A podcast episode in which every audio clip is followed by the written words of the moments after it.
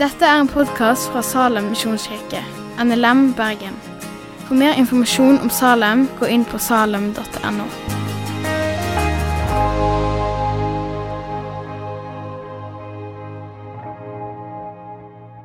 Jeg skal lese søndagens tekst, som i dag er Matteus 7, vers 21-29. Ikke enhver som sier til meg, Herre, Herre, skal komme inn i himmelriket, men den som gjør min himmelske Fars vilje. Mange skal si til meg på den dagen, Herre, Herre, har vi ikke profetert ved ditt navn, drevet ut onde ånder ved ditt navn, og gjort mange mektige gjerninger ved ditt navn? Da skal jeg si dem rett ut, jeg har aldri kjent dere. Bort fra meg, dere som gjør urett. Vær den som hører disse mine ord, og gjør etter det de sier, ligner en klok mann som bygde huset sitt på fjell. Regnet styrtet, elvene flommet, og vindene blåste og slo mot huset. Men det falt ikke, for det var bygd på fjell. Og hver den som hører disse mine ord, og ikke gjør det de sier, ligner en uforstandig mann som bygde huset sitt på sand. Regnet styrtet, elvene flommet, og vindene blåste og slo mot huset. Da falt det, og fallet var stort. Da Jesus hadde fullført denne talen, var folket slått av undring over hans lære. For han lærte dem med myndighet, og ikke som deres skriftlærde. Herre, ditt ord er sannhet. Kan du hellige oss i din sannhet. Amen. I dagens tekst så driver Jesus med en advarsel. Han viser til den dagen og til en storm. Det er bibelske uttrykk for dommens dag. En dag da menneskeheten skal deles i to flokker. De som er rettferdige til evig liv, og de som er urettferdige til evig død, fortapelse. Og så Jesus, da. Jeg som trodde at han var en sympatisk type som bare snakker kjærlighet. Jo da, han forkynner kjærlighet. Han forkynner nåde og fred og glede. Men han gjør det ikke på bekostning av sannheten. Det er kjærlig å være sann. Så når Jesus legger frem muligheten for at det er to utganger av livet, så gjør han det nettopp i kjærlighet. Men legg merke til at det er mennesker som kaller seg kristne Jesus snakker med. Folk som hevder å kalle Jesus for Herre. Det er ofte sånn når Jesus snakker om fortapelsen. Det er de som følger han. Han advarer. Jeg har lyst til å se på den teksten og stille tre spørsmål, og så avslutte. Det første spørsmålet jeg har lyst til å spørre teksten er hvorfor advarer Jesus mot fortapelse? Leser du av og til Jesus som sint når han snakker om fortapelsen? Den forståelige feilen gjør òg små barn innimellom. Og jeg sier forståelig fordi den av dere som er forelder, vet at noen ganger så er vi litt brå og kjeftete i stemmen når barn gjør noe som er farlig. Når konsekvensene kan bli stygge. Vi skriker ut med en stemme som lett kan forveksles, med å være sint. Men vi ønsker jo å vise kjærlighet, gjør vi ikke? Vi vil jo ikke se at den vi elsker så høyt, skal bli utsatt for skade. Og så skriker vi ut litt i skrekk og litt i frykt. En advarsel som er gjort i kjærlighet, kan ofte misforstås som fordømmende sinne. Og det tror jeg inntrykk mange har av kristendommen òg i dag. Jesus advarer mot fortapelsen fordi han ikke vil at den som han elsker, deg, skal havne der. For djevelen og alle hans engler er fortapelsen til. Det er Jesus sine ord. Han vil ikke at mennesker skal komme dit, men det er for djevelen og alle hans engler. Det er borte fra Guds rike velsignelser. Men du kan velge det sjøl hvis du velger at du ikke vil ha noe med Gud å gjøre. Jesus kan virke sint, men det er kjærligheten hans som vil vekke deg opp. Det er akkurat som om han vil riste i deg, sånn at du forstår alvoret. Han vet at det vil komme en storm, og så vil han grunnfeste deg hos seg sjøl før den stormen kommer. Han vil sikre seg om at du bygger et liv som kan stå gjennom dommen. Så Jesus advarer fordi han elsker deg. Det andre spørsmålet jeg har lyst til å stille, er hva går Jesu advarsel ut på? Jo, Jesu advarer mot at gjerninger ikke er nok. Her i teksten er det mange som har gjort store gjerninger og undere i Jesu navn, men uten at Jesus kjenner dem. Det ser ut til at disse menneskene har lurt seg sjøl, og kanskje andre mennesker òg, til å tro at de er kristne. Men vi kan ikke lure Gud. Han kjenner dine tanker. Han kjenner alle dine veier. Før du har et ord på tunga, så kjenner han det fullt ut. Det står om Jesus at han ikke trengte at noen vitna om mennesket. Han visste sjøl hva som bodde i mennesket. Gjerninger, det er ikke nok til å vinne evig liv. Fordi kristendommen det handler ikke om hva du har gjort for Gud, men hva Jesus har gjort for deg. Tenk om vi skulle basere frelsen på det vi gjorde. Det ville vært ganske trist for min del. Jeg ville aldri fått hvile i vissheten om at ja, nå har du gjort nok, Kristian. Det hadde vært strevsomt for meg. Det hadde blitt det vi kaller en gjerningsreligion uten visshet. En gjerningsreligion handler om at du må gjøre noe for å fortjene velsignelse fra Gud. Og det er mange mennesker som kaller seg kristne, men som allikevel tror på en gjerningsreligion. Og det lar seg ikke kombinere. For kristendommen, det er nåde. Det er Gud som ser at vi ikke får hvile fra våre synder eller mangelfulle og kalde hjerter. Så han velger sjøl å stige ned til jord for å gjøre opp for alle våre synder. La oss heller si det med Bibelens ord fra Romerbrevet 3.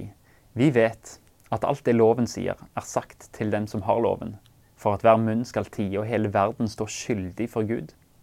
For ikke noe menneske blir rettferdig for Gud pga. gjerninger som loven krever. Ved loven lærer vi synden å kjenne.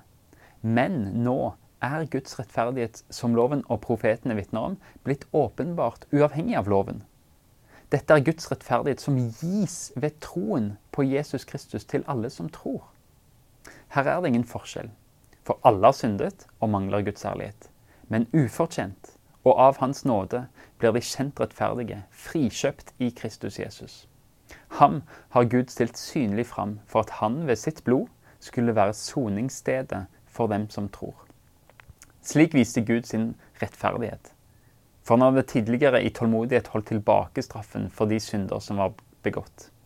Men i vår tid vil han vise sin rettferdighet. Både at han selv er rettferdig, og at han kjenner den rettferdige som tror på Jesus.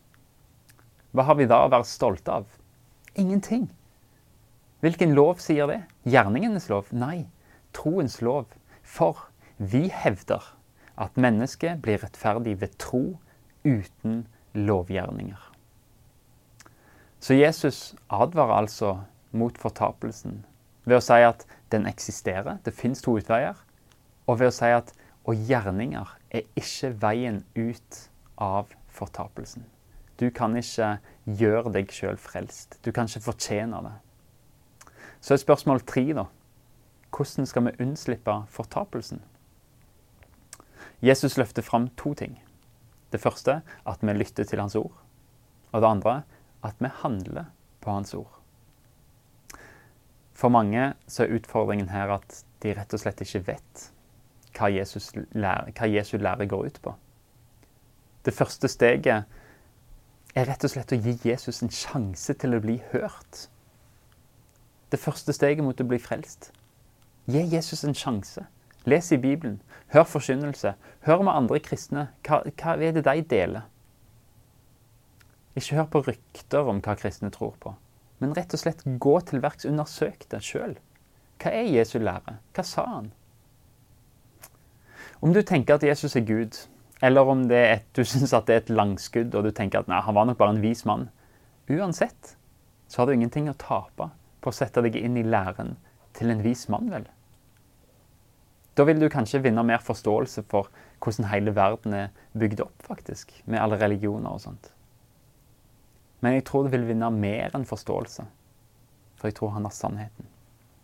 Bare prøv og smak. Se at han er god. Men kjennskap til Jesus og til hans ord det kan bare bli relevant hvis det omsettes til handling.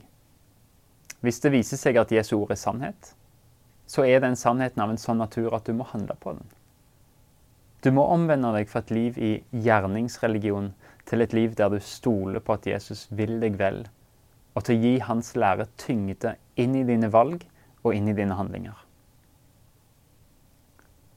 Å høre ord og høre Jesu lære og snakke om din synd uten å gjøre noe med det. Det er som å gå til en doktor uten å være villig til å høre på det han sier, eller til å følge det behandlingsløpet som han legger. Det fins mange mennesker som hver søndag hører Jesu ord i kirka, som vet mye om hans lære, men som ikke omsetter det til handling i livet sitt. En som ser at Jesus har sannheten, både lytter etter det han sier, og gjør etter det. Det er Bibelens definisjon av visdom. Men en sånn lydighet, Kristian, er ikke det det samme som å bli frelst av gjerninger? da? Er ikke det å gjøre seg sjøl frelst, da? La meg fortelle en historie. Det var en gang en tauebåt som taua et stort skip i storm. Mannskapet sto på dekk for å kontrollere og se hvordan dette var. Det var masse bølger og vind, og den vaieren fikk virkelig kjørt seg. Så var det på et tidspunkt kapteinen som hadde alle data foran seg. Han skriker ut på lydanlegget og skriker 'ned'! Og alle i mannskapet kaster seg ned på bakken, uvitende, men i tillit til kapteinens ordre. Like etterpå så ryker slepevaieren, og den kastes vilt rundt over dekk. Å bli truffet av den ville gitt store skader og i verste fall død. Det var tilliten til kapteinen som berga mannskapet. Men den tilliten, den viste seg i handling. Slik er det òg med Jesus og hans ord. Det er han som berger oss. Vi kan ha tillit til han. Og den tilliten viser seg i at vi følger hans ord. Vi tror på hans sannheter og lever i dem fordi vi tror at det er bra for oss.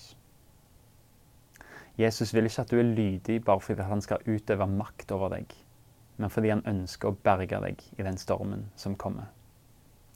Jesus ber til far i Johannes 17. Da sier han, Far, timen er kommet. Herliggjør din sønn, så sønnen kan herliggjøre deg. For du har gitt han makt over alle mennesker. Du har gitt han makt over alle mennesker for at han skal gi evig liv til alle som du har gitt han. Og dette er det evige liv, at de kjenner deg, den eneste sanne Gud, og Han som du har sendt, Jesus Kristus. Skal vi avslutte med å lese Salme 1. Salig er den som ikke følger lovløses råd, ikke går på synderes vei og ikke sitter i spotteres sete, men har sin glede i Herrens lov og grunner på Hans lov dag og natt. Han er like tre plantet ved rennende vann det gir frukt i rett tid, og løvet visner ikke. Alt han gjør, skal lykkes. Slik er det ikke med de lovløse. De er lik agner som spres for vinden. Derfor kan ingen skyldige bli stående i dommen, ingen syndere i flokken av de rettferdige, for Herren kjenner veien de rettferdige går, men de urettferdiges vei fører vill. Takk, Herre, for at du bare vil oss det aller beste.